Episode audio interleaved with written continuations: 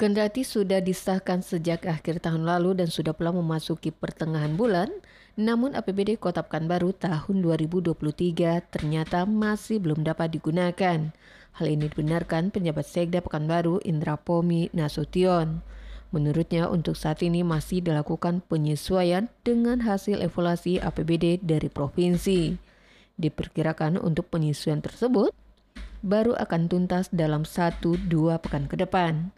Namun dipastikannya lokasi anggaran yang ada dalam APBD Pekanbaru 2023 sama sekali tidak ada perubahan atau juga pergeseran.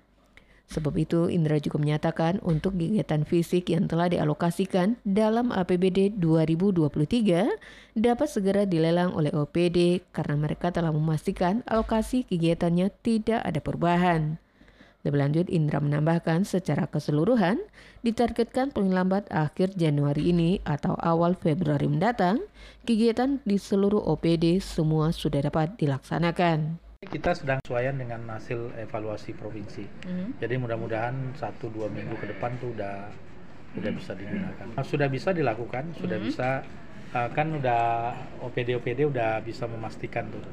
Tidak akan ada perubahan. Yang tidak akan ada perubahan tuh udah bisa di entry di sirup, kemudian hmm. juga disiapkan dokumennya untuk. Rencana kita kan di awal di akhir Januari, awal Februari itu APBD udah jalan ya sudah bisa dijalankan. Hmm.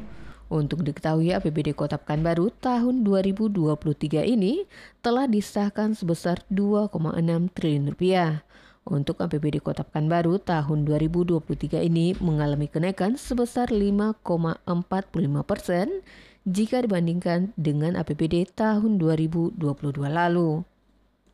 Desi Suryani, Tim Liputan Barabas, melaporkan.